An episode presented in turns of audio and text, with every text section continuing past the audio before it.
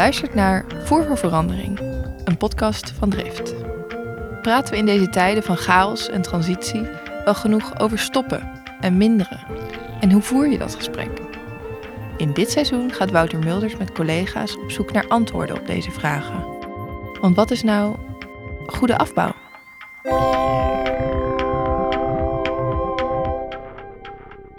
Waarom praten over afbouw? Laten we het eens aan de natuur vragen.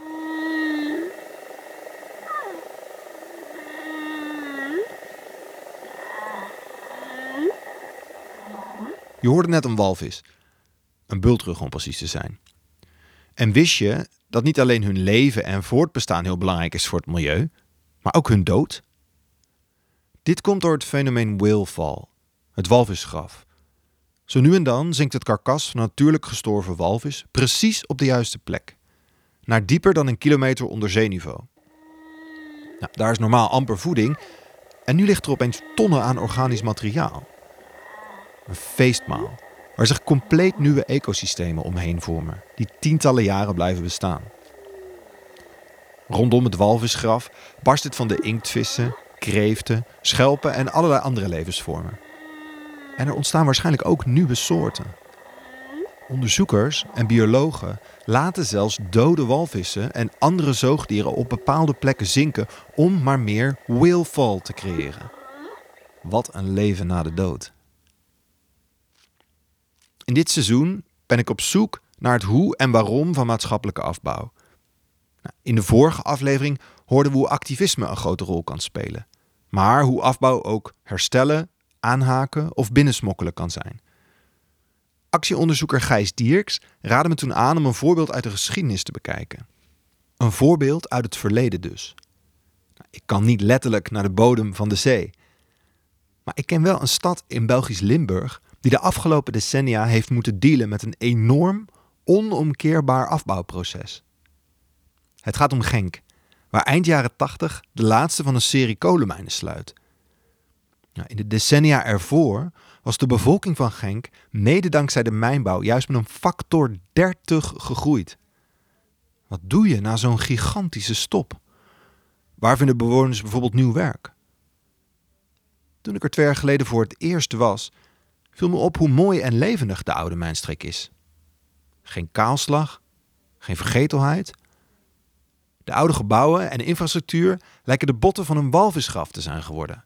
Vol nieuwe ecosystemen, zoals een eh, techcampus, sociaal-maatschappelijk kunstproject en een duurzaam kenniscentrum. In deze aflevering hoor je hoe ik, samen met collega Injo, met verschillende bestuurders over deze afbouw en wederopbouw spreek en zo twee verhalen vind. Eén verhaal over toen, over hoe de deindustrialisatie leidde tot het heruitvinden van Genk en haar mensen. En één verhaal over nu, hoe stoppen we met het systeem van het almaar afvoeren van water? Want ook dat is een erfenis uit Genks industriële periode. We praten eerst met oud-burgemeester Jeff Gabriels over wat er allemaal al klaar lag voordat de kogel van de sluiting daadwerkelijk door de kerk was. dus ik ben uh, Jeff Gabriels van opleiding bouwkundig ingenieur. Uh, sinds mijn 22e in de gemeenteraad. Dat is dus al heel lang geleden. Uh, zes jaar gemeenteraadslid, uh, tien jaar schepen. In Nederland heet dat wethouder. En dan 23 jaar en een beetje burgemeester. En als kind op een, uh, ja, een kleine boerderij mm -hmm. heb ik de industrialisatie zien plaatsvinden. En later als burgemeester heb ik de industrie zien afbouwen. Het zijn dus wel twee belangrijke periodes geweest in mijn leven. We vragen Jeff hoe Genk heel vroeger was. Daar uh, was geen industrie behalve een, een, melkerij en een brouwerij. Er waren uh, leme hutten, er was arme grond. Dat wil zeggen dat er heel veel kleinschalige landbouw was met heel wat kleine landschapselementen. Mm. Genk is gemaakt om geschilderd te worden. Dat komt van Armand Maclot, dat is een kunstschilder. Mm -hmm. En uh, eigenlijk uh, hebben vanaf 1840 heel wat mensen, rijke mensen uit Antwerpen en Brussel, Genk ontdekt. En vanaf de tweede helft van de 19e eeuw ook een hele kolonie, honderden landschapsschilders. En dan op een bepaald ogenblik in 1901 heeft uh, professor André Dumont ontdekt dat er in de ondergrond steenkolen zaten. Genk was toen een, een gemeente van amper 2000 inwoners, zeer klein. Uh, en het gemeentebestuur van Genk op dat ogenblik zag daar wel iets in. En op die manier zijn er dus drie concessies van mijnen ontstaan. En op dat ogenblik is de import van werkkrachten begonnen. Gastarbeiders noemde men dat dan. Eerst uit Oost-Europa, Polen, Tsjechen, Slovaken, uh, die landen. En later ook uh, voor, maar vooral na de Tweede Wereldoorlog, Italianen en later ook nog Grieken, Spanjaarden, Portugezen. Mhm. En dan vanaf 64 ook nog eens Turkse en Marokkaanse mensen, dus mhm. die ook een andere culturele achtergrond hadden dan, laat ons zeggen, het, uh, het Europees-christelijke dat kenmerkend was van Polen tot dus... uh, Spanje. door de uitbating kwamen er prachtige gebouwen. Want de gebouwen van de mijn zijn mooi. Uh, die zijn ook ontworpen door goede, gerenommeerde architecten. Maar dat had dus een aantal neveneffecten. Uh, het bestuur en de Genkse bevolking in het algemeen had duidelijk gekozen voor de industrialisatie. En Genk is dus van 2000 naar bijna 70.000 inwoners geëvolueerd. Vanuit heel Europa en daarbuiten zijn dus tienduizenden mensen in Genk gesetteld om zware fysieke arbeid te verrichten in de mijnen. En na een eerste sluiting in de jaren 60 valt in 1987 en 1988 ook het doek voor de laatste twee mijnen. Nou, de reden is economisch. Steenkool kan elders gewoon goedkoper gewonnen worden. Het zet de hele gemeente, waar Jeff verantwoordelijk voor is, op zijn kop. En ook andere industrie verdwijnt. Wij willen van hem weten, hoe ga je om met deze afbouw? En heb je er invloed op? Ik zeg wel dat het ons overkwam, mm maar je ziet het wel aankomen. Mhm. Dat wil dus zeggen dat wij enkele jaren tevoren begonnen zijn met een werkgroep die dat bespreekbaar moest maken. Ja. Dat was oorspronkelijk uh, de gemeentelijke contactgroep Werkloosheid Genk. Mm. Later de contactgroep Werkgelegenheid Genk. En later de werkgroep Expansie en Reconversie Genk. Dus je ziet ook de evolutie daarin en de betrokkenheid wordt groter. Dus we hadden een aantal colloquia onder de gevleugelde titel Laat 100 bedrijven groeien. Wel, laat 100 bedrijven groeien was eigenlijk een hint naar een aantal nieuwigheden. Um, en daaruit groeiden een aantal ideeën. En op die manier maak je jezelf klaar om speler te worden in het spel. Ik moet zeggen, we hebben ook geluk gehad. Toen de mijnen hier sloten, was er een opleving in de Europese economie. En die trein passeert en daar moet je opspringen op het juiste moment. Want je weet, als je te vroeg springt, zit je eronder. Als je te laat springt, is hij voorbij. Dus eigenlijk was dat de kunst, op het juiste moment op de passerende treinen springen. Ja. En eigenlijk een stuk uh, opportunist zijn. Je kan niet anticiperen op het feit dat er gesloten zal worden. Je weet niet wanneer het... Je weet dat het komt, maar je weet niet precies wanneer het komt. En je weet niet precies wanneer, maar je weet dat het zal gebeuren. Mhm.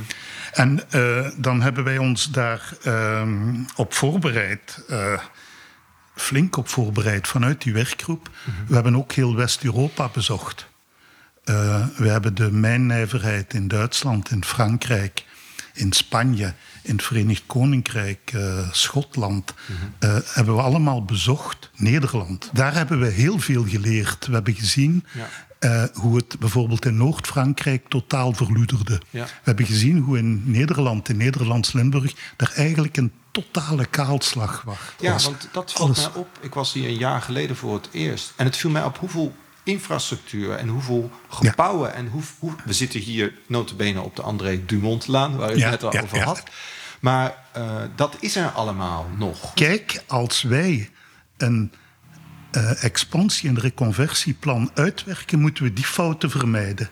Moeten we de Nederlandse fout vermijden van de totale kaalslag? Moeten we de Noord-Franse fout van de totale verwaarlozing vermijden?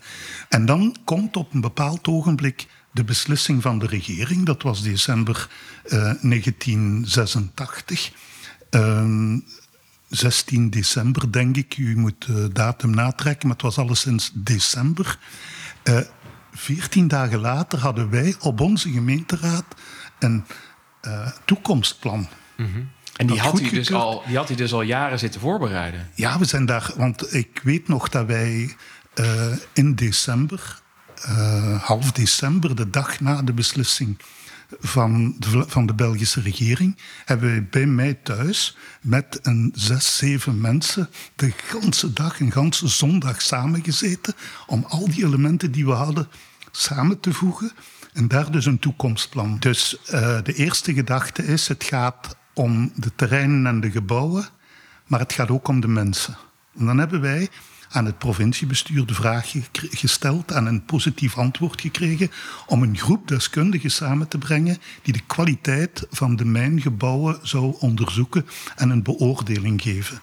Zeker te behouden, mogelijk te behouden ja. en waardeloos. Mm -hmm. En daar is dan een atlas van gemaakt. Ja. En die hebben wij uh, later gebruikt. En gelukkig heeft de minister, Vlaamse minister van Cultuur, jaren later al onze gebouwen uit de eerste categorie geclasseerd als monument. Tweede hoofdstuk is het wonen, de mijncités, de mijntuinwijken responsabiliseren. Uh, derde hoofdstuk is nieuwe jobs voor de mensen. Mm -hmm. En daarvoor benut je, we hebben daar één jaar hoge belastingen voor gegeven om een aantal industrieterreinen uit te rusten. En dan hebben we gebruik gemaakt van de economische opleving van West, dit deel van West-Europa om, we hadden bijna dagelijks een nieuw bedrijf, hè, bij wijze van spreken 50, 60 industriële grondverkopen op één jaar, omdat we klaar waren daarvoor. Mm -hmm. Zie je, dus uh, vooruitdenken is wel belangrijk. En dus ook niet te lang blijven hangen in het oude, hoor ik er ook wel uit. Ja, nee, je mag niet blijven hangen. Als je kiest voor de toekomst, mm -hmm. zeg je go. We gaan en uh, we rouwen dus ook niet. Hè. Oh. Want voor alle duidelijkheid, wat doet pijn? Ja, het doet allemaal pijn. En waarover moest Genk rouwen? Wel, ik zeg, je moet nooit rouwen om iets wat voorbij is en waar je met de beste bedoelingen aan gewerkt hebt. Dat zijn dingen ja. die. Daar moet je niet uh, voor in het hoekje zitten huilen, daar moet je niet voor rouwen. Wel moet je het een plaats geven. Mm -hmm. Je moet het respecteren. Ja. Want het respect voor het verleden is natuurlijk de basis voor de toekomst. Want dat geeft toekomstperspectief. En er was nog een probleem. Er waren allemaal mijnwerkers met een bepaalde beperkte scholing. Dus de opleiding, we hebben gigantische inspanningen gedaan om samen met de beroepsopleidingsinstanties uh, die mensen te vormen voor de toekomst, ja. een nieuwe opleiding te geven. En wat voor opleiding deed? Dan was iemand een mijnwerker en die werd dan opgeleid tot elektricien of een onderwijzer? Of wat, wat voor opleiding uh, waren dat? Mijnwerkers zijn later alles geworden, ja. van verpleegkundige tot elektricien. Ja.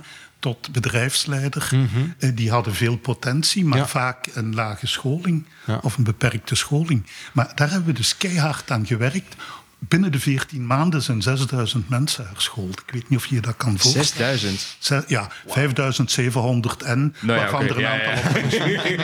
op Dat detail geven En om een idee te geven, omdat wij merkten dat de technische scholen en de beroepsopleidingsinstanties daar niet aankonden, hebben wij zelf met de Mijngemeente een opleidingsinitiatief opgericht. De begeleidingsdienst voor het Limburgs Mijngebied, BLM, bestaat nu nog, om die grote hoop mensen die... Te scholen. Ja, en dus uh, een twee jaar na de sluiting van de laatste mijn was er in Genk meer werkgelegenheid dan voor de sluiting. Dat is ongelooflijk. Chef Gabriels vertelt ons nog veel meer over hoe Genk omging met die grote afbouw die ze zelf niet in de hand hadden. Over een oud mijnwerker die in zijn kelder ging wonen en er niet uitkwam totdat de maatschappelijk werker hem elke dag naar een nieuwe opleiding besloot te brengen. En over hoe vier bewoners waren toen Genk in 2000 een stad werd. Chef is ook trots op het schouder aan schouder staan met een zeer diverse bevolking en het uitgaan van de kracht van de gemeenschap. Ook dat stond in die vijf hoofdstukken voor dat grote plan van opbouw naar afbouw. De geschiedenis, zoals Jeff ze vertelt, zit vol met lessen over omgaan met die afbouw. Over zoveel mogelijk klaarstomen, voordat je zeker weet wanneer het echte kantelpunt precies komt. Over leren van andere regio's, wat wel en niet heeft gewerkt. En over het belang voor een aanpak voor en met mensen, naast technische overwegingen. En dat zonder te rouwen, maar met respect voor het verleden. Is Genk dan kampioen afbouw? Zijn echt alle onduurzame en onvolhoudbare systemen uit het verleden ontmanteld of opnieuw ingezet voor een uh, mooie nieuwe stad? Dat ook weer niet helemaal. De industrie heeft namelijk naast gebouwen en bevolkingsgroei nog andere sporen nagelaten. Namelijk op de natuur en het water. Om dat te begrijpen zoomen we in op de Stiemerbeek, die dwars door de stad heen stroomt. We gaan terug in de tijd naar de hoogtijdagen van de industrie. Nou, bereid je voor. Dit verhaal van beton, koolstof en slachtafval is een mooi staaltje van... Je kunt het je bijna niet voorstellen. De steenkolen werden gedolven in de ondergrond, gewassen.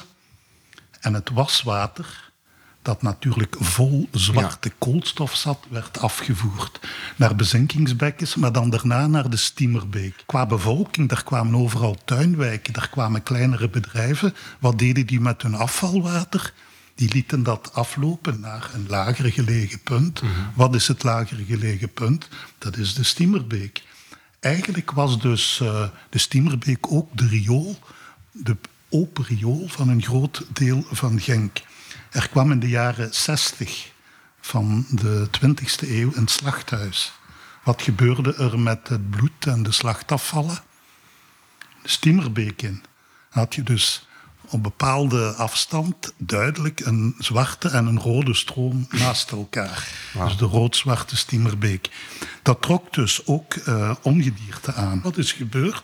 Je moet dus het afvalwater opvangen mhm. van de wijken van de mijn, van het slachthuis enzovoort. En je moet, we hebben dan een zuiveringsstation gebouwd mhm. eh, op een bepaald punt vlak voor het, of ja, in de buurt van het natuurreservaat. Uh, daar werd alles biologisch uh, gezuiverd. In de mate van het mogelijke, met slipgisting, bezinkingsbekkens enzovoort. En op dat ogenblik ben je dus verplicht om dat water te zuiveren, maar ben je ook verplicht om dat water daar te brengen. Dat wil dus zeggen dat je collectoren moet bouwen. Dat zijn verzamelriolen mhm. die het afvalwater van de huizen, van de bedrijven en zo opvangen. Ja. Daarvoor heb je ruimte nodig. Daarvoor moet je dus gronden onteigenen. Onteigenen is iets uh, wat mensen meestal niet graag hebben, hun grond afpakken. Ja. Je, en je wordt daar wel voor vergoed, maar dat is altijd te weinig. Dus werd de strook, de onteigene grond, een beetje beperkt tot, laat ons zeggen, 30 eh, à 60 meter, waarin de beek moest lopen en waarin de twee collectoren aan weerszijden ja. liepen. Dat wil dus zeggen dat je die beek een stuk moet rechttrekken. Mm Dat wil dus ook zeggen dat de snelheid van het water verhoogt. Dat wil dus ook zeggen dat je stroomafwaarts, allemaal dingen die je later ontdekt, makkelijker uh, overstromingen ontstaan. Dus door problemen op te lossen krijg, creëer je weer nieuwe problemen. Maar het meest urgente probleem was... hoe maken wij die steamer zuiver? Misschien nog niet biologisch mm tip-top... maar wel uh, fysiek zuiver van afvalstoffen. Ja. Wel, uh, dat is ook wat nu gebeurt, dat is die dingen herstellen. Ja, want wat voor dingen zijn dat? Moet ik dan betonnen uh, constructies voorstellen? Ja, dat wil zeggen ja. uh, de overstorten aanpassen, zodanig dat er effectief geen vuilwater meer in de steamer komt, maar ook opnieuw een aantal meanders aanleggen. Ja. Dus opnieuw uh, de stroming de, vertragen, ja. zodanig dat en meer plekken, uh, vijvertjes, uh, plassen en zo uh, bevloeien waar het water ook kan ja. bezinken. Door Genk stroomt dus een beek met natuur eromheen. Die vroeger diende als industriële afvoer en als riool. Om het water te zuiveren zijn er collectoren aangebracht en is de beek rechtgetrokken, waardoor die sneller stroomt. Maar nu die vervuilende industrie weg is, zou het oorspronkelijke landschap ook weer hersteld kunnen worden. Nou, goed voor de natuur, fijn voor bewoners en bedrijven, toch? Om hier meer over te horen, maken we een wandeling met Mien Kwartier en Katrien van der Sijpen. Zij werken respectievelijk als projectleider en afdelingshoofd bij Stad Genk. Je hoort eerst Katrien. Ja, we, lopen in het gebied van de, de Stiemervallei. De Stiemer is een, uh, een beek die dwars door Genk stroomt, ongeveer 8 kilometer. Um, het is een, uh, een klein kabbelend beekje. Uh, dat zien we hier nu ook. Het ziet er heel rustig uit. Uh, op momenten dat het zwaar regent, openen de overstorten en komt er heel veel afvalwater uh, in de beek terecht. Dan is het zo een tsunami van vuil water en ook van vochtige doekjes, die je ook nog in de randen van de oevers kan zien. Uh, gelukkig zijn er ook nog wel mooie plekjes. Er is nog heel wat waardevolle natuur. Veel natte natuurstukjes, elzenbroekbosjes en uh, natte graslanden. Uh, want het is ook een gebied heel dicht bij de mensen. Uh, je ziet hier ook de achtertuinen ja. van heel wat mensen. Uh, dus die, die hebben eigenlijk letterlijk hun rug wat gekeerd naar de beek. Dat is, maakt geen deel meer uit van hun leven, of toch heel weinig. En de bedoeling is om daar weer een, een voorkant van te maken en een levendige plek waar dat mensen elkaar kunnen ontmoeten, maar ook weer in contact kunnen komen met de natuur. Hoe doen we dat? We willen eigenlijk die, die zorgen dat het als voorkant wordt bekeken. Ja. Um, en een voorbeeldje daarvan, eigenlijk lopen we hier parallel met de Stalenstraat. En dat is een, uh, de voormalige handelsstraat van de mijn van Waterschei. En daar zijn heel veel handelaars, uh, ook restaurantjes en cafeetjes, mm -hmm. die vandaag, het is een heel autogerichte straat, maar als we dat gebied verder ontwikkelen en bijvoorbeeld een, uh, een betere toegankelijkheid voorzien naar die achterkant, dan zouden die in hun, uh, hun zaak anders kunnen oriënteren. En van de achterkant vandaag, waar vaak afvalcontainers staan bijvoorbeeld, mm -hmm. of gewoon een tuin is, uh, een voorkant kunnen maken naar een heel gezellig terrasje van maken. Ook voor bewoners hier in de buurt bijvoorbeeld, op de plek waar we nu net aankomen, hier het brugje, willen we ook een verblijfsplek maken. Als je een beetje kijkt, zien we vandaag vooral een fietspad, een brug, een beek, oevers, maar weinig plekken waar je kan zitten of verblijven of even rusten.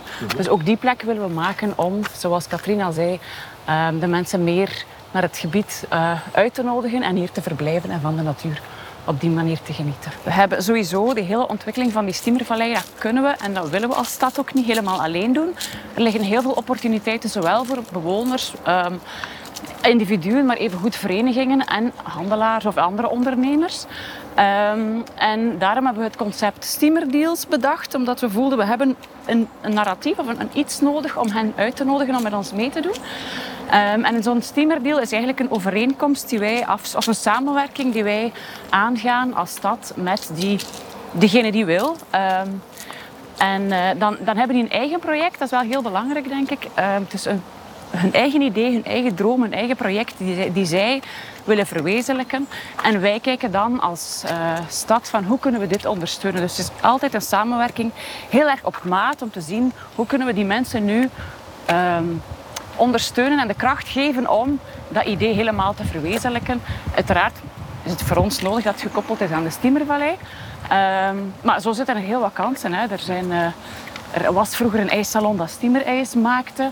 Uh, een imker die zijn, steamer, zijn honing van de bijtjes die naast de steamerbeek woonden apart slingerde en apart verkocht. En zo zijn er, ja, we hebben samenwerkingen met scholen enzovoort. Dus eigenlijk reiken we de hand naar de Genkenaar om met ons mee te doen. En ja. op die manier krijgen we een groot netwerk en allemaal ideeën en projecten waarvan wij nooit hadden gedacht dat ze er zouden zijn. En dat doe je dus aan de hand van een groot verhaal waar mensen zelf een klein verhaaltje of een onderneming kan er een klein verhaaltje bij schrijven. En dat is hun ja. persoonlijk verhaal, het steamerverhaal. Bijvoorbeeld honing van een lokale imker wordt verwerkt in ijs. Ja. IJs is weer hier te koop en daardoor komen mensen weer hier naar ja. het gebied. Ja, dat klopt. En, en tegelijk zijn die mensen ook een beetje ambassadeurs voor de Steamervallei. Hè? Dus, uh, en op die manier creëren ze een, een netwerk en, en beweging en dynamiek in het gebied. Mien en Katrien werken dus samen met bewoners en bedrijven aan een nieuw verhaal voor dit gebied. En die ontwikkeling van de steamer heeft niet alleen waarde voor de gemeenschap en de lokale economie.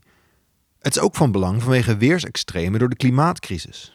Er zijn extremere buien en dan raakt het hele rioleringsstelsel over, uh, over vol met water. En, en, dan zoekt het hier een weg in het gebied en dan merk je dat we echt meer plaats voor water moeten maken. Ja. Ehm, om te zorgen dat het, en ook dat het naar het grondwater komt. Want verdroging is ook een heel belangrijke. We hebben soms heel droge zomers. Toch blijft het hier nog relatief vochtig. Maar daar moeten we aan werken. Want je ziet dat er meer bramen komen. Je ziet allerlei soorten komen die, die niet, omdat er te weinig water is, constant aan, aan de wortels. En, en daar moeten we ook aan werken om, om de veengronden te herstellen. Om, uh, om, om te zorgen dat die CO2 daar effectief opgevangen blijft. Ja, en dat er aan werken, je zegt heet het we. En ik heb dan het gevoel dat omdat je dus bezig bent met bijvoorbeeld steamer deals en bewoners betrekken, dat je er niet als gemeente een hek omheen wil zetten en zo van nou wij fixen het wel. Het kost veel geld, je kan er niet naar kijken, maar we, maken, we zorgen dat het goed is. Maar dat je het dus juist participatief wil doen.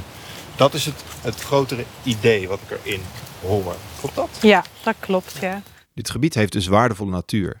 Die kan helpen bij extreem nat en droog weer de gevolgen van klimaatverandering.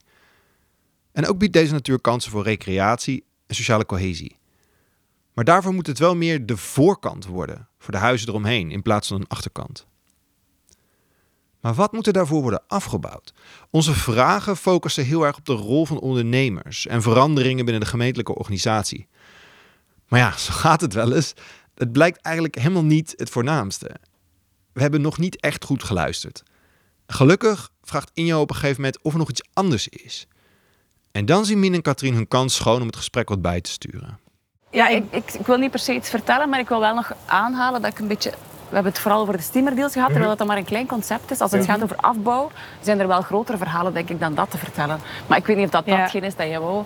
Ja, ik denk het wel. Ja, we zijn begonnen met het water, hè, dat dat hier nu een rustig kabbelend beekje is, maar dat het op momenten dat het regent echt een, eh, een open riool toch eh, opnieuw is. Um, en het, de, de beek is ook gekanaliseerd en zo. Uh, dus op zich ziet je heel veel rioleringsinfrastructuur die hier gekomen is met de beste bedoelingen. Hè? Want als we het verhaal horen dat dat hier een, een beek was vol met zwart water van de mijn en bloed van het slachthuis, ja, dan begrijpen we dat volledig. Dat je daar een, een, een infrastructuur aanlegt om dat afvalwater eruit te halen. Maar er is een heel uh, negatief, ne een neveneffect dat heel negatief is in deze context. Omdat het, samen met al het afvalwater wordt ook al het regenwater gewoon afgevoerd op een, op een versnelde manier uit het gebied. En je ziet dat ook in de rest van Vlaanderen. Hè. We hebben op zich een, een waterbeleid momenteel dat gericht is op afvoer, uh, op op, op controle van het afvalwater. En we zijn een beetje vergeten dat er ook zoiets is als regenwater, grondwater. Mhm. Wat natuurlijk in tijden van klimaatverandering steeds prangender wordt. Ehm, en water heeft nog altijd wat de status, uh, een lage status. Hè. Het is goedkoop, uh, mensen zien het niet. En daar moeten we een heel andere shift uh, in anders omgaan met water gaan realiseren. En dat betekent de kijk bij de burger naar anders gaan maken. Maar dat betekent ook het hele systeem, het hele regime dat gericht is op afvoer, opnieuw naar een andere mindset brengen om meer water ter plekke te houden en daar ook dan een meerwaarde mee te creëren. En niet alleen een technische oplossing bieden, maar ook zorgen dat dat water in de wijken, in, in de plekken waar de mensen wonen, effectief een meerwaarde kan hebben. En ik denk dat dat de grootste mhm. transitie is waar dat we voor staan en waar dat we ook veel weerstand voelen. Omdat het regime is, is, is zo strak. Hè. Een, een voorbeeldje is, uh, we laten ook studenten soms werken op om te verbeelden wat zou de nieuwe toekomst met water kunnen zijn. En dan komen heel wat ingenieurs van de verschillende afdelingen mee luisteren. En iedereen zegt, oh ja, fantastisch. Oh, en dat ziet er heel mooi uit. En zo kunnen we het gaan doen.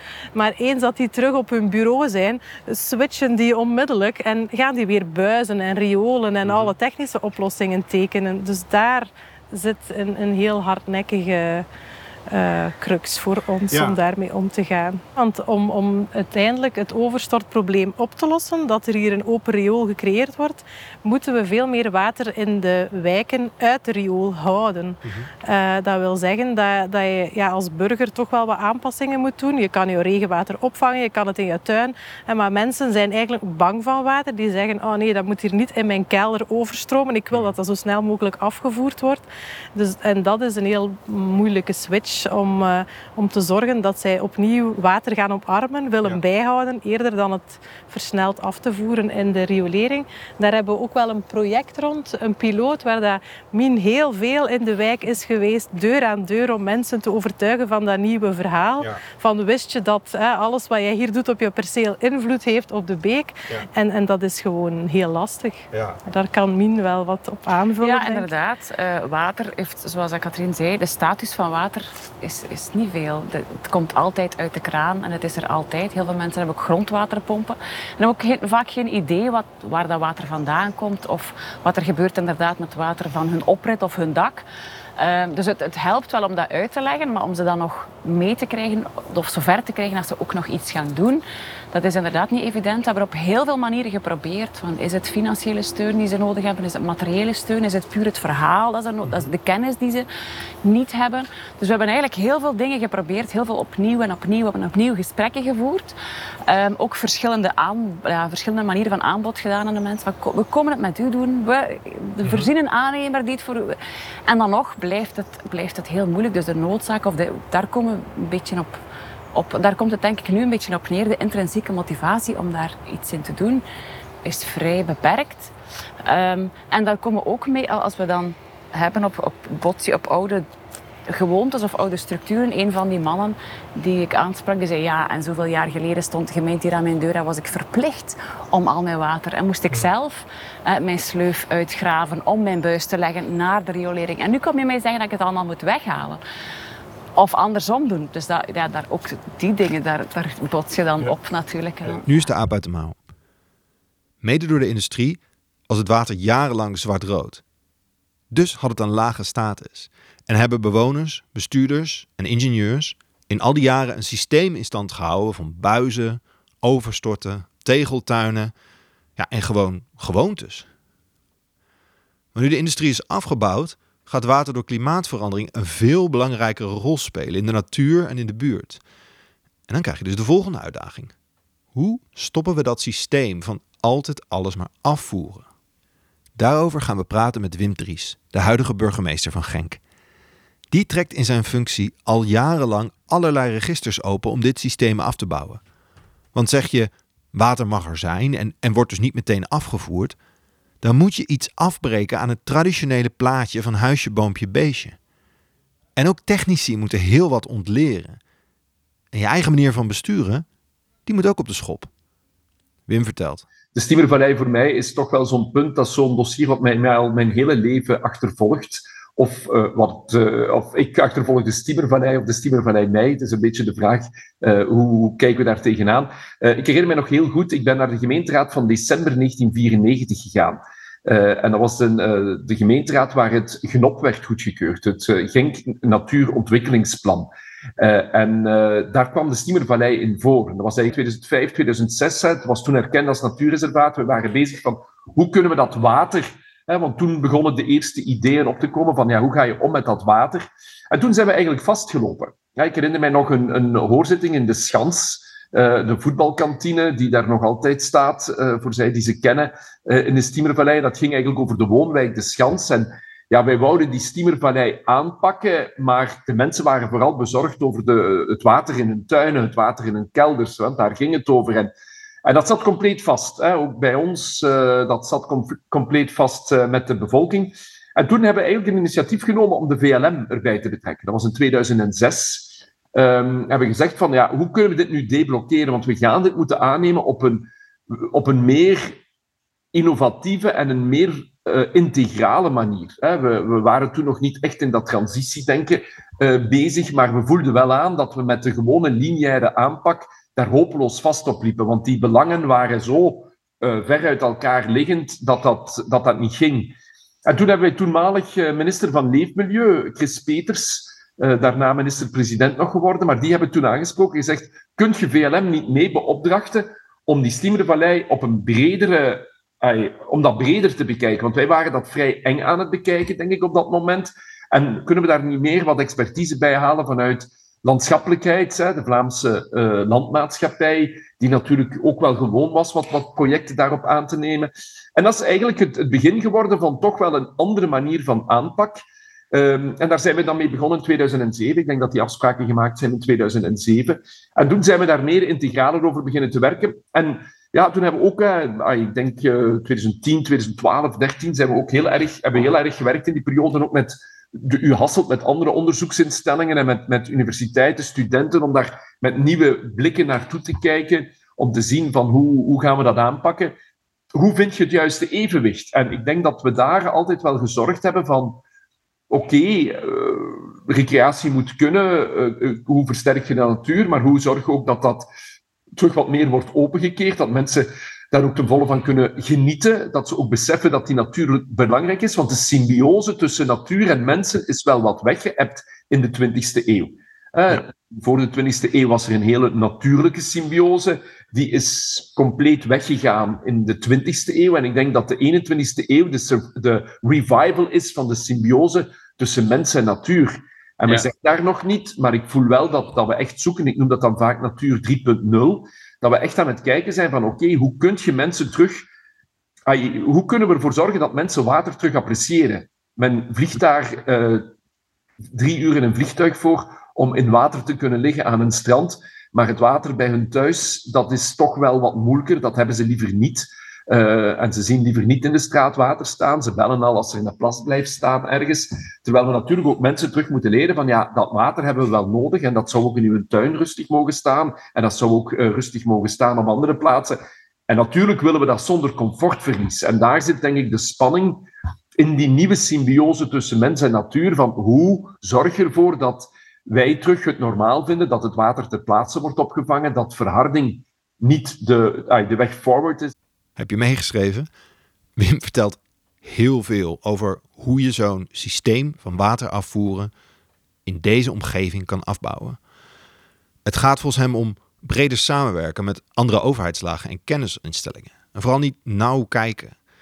Uh, om kritiek opzoeken en accepteren en toegeven dat er in het verleden fouten zijn gemaakt.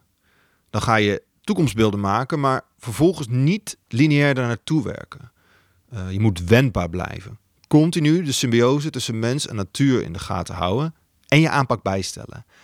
Nou, en ik vraag hem dan of hij daar, naast het werk wat Mien en Katrien natuurlijk al noemden, wat praktische voorbeelden bij kan geven. We hebben vorige week, denk ik, de eerste verkaveling uh, van 28 woningen goedgekeurd, waarin we geen regenwater meer afvoeren. Mm-hmm. dat, is zo, uh, dat is totaal niet, gewoon geknipt. En dus die zijn qua regenwater niet meer aangesloten op een ander stelsel. Op dat terrein gaan we het volledige regenwater van een nieuwe woonwijk opvangen. Dat was zo voor mij, uh, we hebben het ook op de gemeenteraad gebracht, voor mij was dat zo een belangrijk dossier. We zijn daar al lang mee bezig, we doen dat wel, we zijn heel erg aan het inzetten op afkoppeling en dergelijke mee. Maar dit was zo'n nieuw project waarvan heel duidelijk was de inrichting, waf. En ik denk, dat is voor mij zo'n voorbeeld van heel duidelijke afbouw. We kiezen niet meer voor die weg. We, we gaan dat op heel veel plaatsen moeten terugdraaien. En dat gaat nog heel veel tijd kosten, want ja, er past geen 27.000 woningen van vandaag op morgen aan en we moeten wetgeving laten wijzigen en dergelijke meer. Twee, ik druk heel erg, uh, waar ik ook, uh, ik ben voorzitter van, uh, bij u is dat de VNG, bij ons is dat de VVSG, de Vereniging van Vlaamse Steden en Gemeenten. En dan probeer ik ook heel erg mijn rol als voorzitter te spelen om te drukken op, op te zeggen, in Vlaanderen, van laat ons die hele wetwijziging anders doen, laat ons Laat ons alsjeblieft ook kijken hoe we mensen kunnen stimuleren op privédomein om die afkoppelingen te doen. Want vandaag steken we 170 miljoen euro per jaar in, in afkoppelingsprojecten vanuit de Vlaamse overheid. Maar we weigeren op privédomein mensen te helpen in die afkoppeling om dat te doen. Terwijl ik denk dat het veel goedkoper zou zijn om op privédomein uh, heel veel te realiseren. Zeker in een aantal wijken waar je dat goed zou kunnen doen dan omgekeerd. Dus ik probeer daar ook een rol te spelen als beleidsmaker. We moeten opletten dat we in Genk ook niet alleen maar kijken naar Genk. We hebben een plicht om te kijken naar, naar Limburg, naar Vlaanderen, naar de wereld. We hebben een rol daarin. En een tweede element in, in die symbiose is, um, ja, is een stukje die gedragsverandering. Hè, waar ik vind dat dat niet evident is. Hè. Ik ben in mijn eigen straat, merk ik het.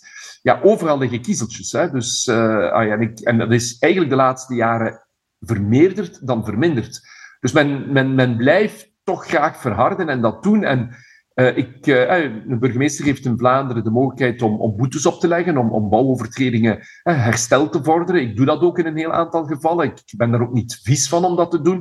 Maar natuurlijk, als iedereen in een weg 70 rijdt en je mocht er maar 50 rijden en 100% is een overtreding, moet je ook nadenken, waarom is 100% een overtreding? Hè? Hm. Waarom? Ah, ah, ja, de weg is veel te breed. Ah ja, hier woont niemand, dus ze hebben het gevoel dat het is. Dat is een eenrecht stuk. Dus ja, soms moeten we ook naar onszelf kijken van, ja, hoe kunnen we dat nu veranderen? Want je kunt wel zeggen, mensen, dat mag niet. En hm. kinderen, dat vingertje werkt, maar dat werkt ook niet continu. Dat is ingeplant, hè? Huisje, tuintje, ehm, mooie padjes, mooie kiezel. Dat is een, een typisch Vlaams ideaalbeeld, wat... wat 50 jaar lang verheerlijkt is in een, uh, in een samenleving. En ja, als je iets wat je 50 jaar aanbidt, duurt ook minimum 50 jaar om van af te kicken. Hè? Wat 50 jaar is gegroeid, heeft ook 50 jaar nodig om ontmanteld te worden, voelt burgemeester Wim Dries. En dat is een strijd van de lange adem.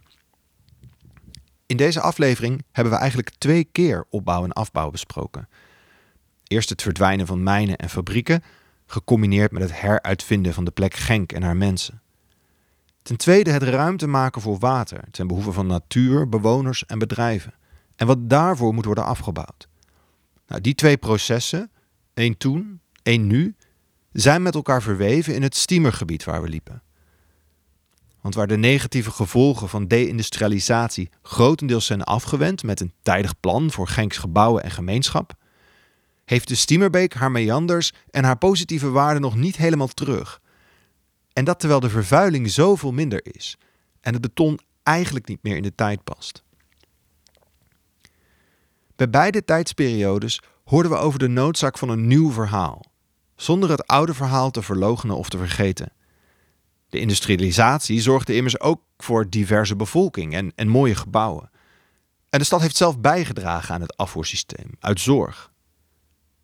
En we hoorden, zo'n nieuw verhaal, daar werk je al aan voordat je precies weet wanneer de afbouw echt goed en wel gaat plaatsvinden. En ook al loopt het vast in een voetbalkantine, of moet die gigantische aantallen inwoners opnieuw worden geschoold, weet dan, dit is een strijd van de lange adem. Nou, die strijd lijkt me goed weggelegd voor mensen als Jeff, Wim, Mien en Katrien. In de volgende aflevering gaan we naar een Nederlands domein, waar er minder tijd en ruimte lijkt voor afbouwen. We spreken met melkveehouder Jan Versluis, die overschakelt op vezelteelt.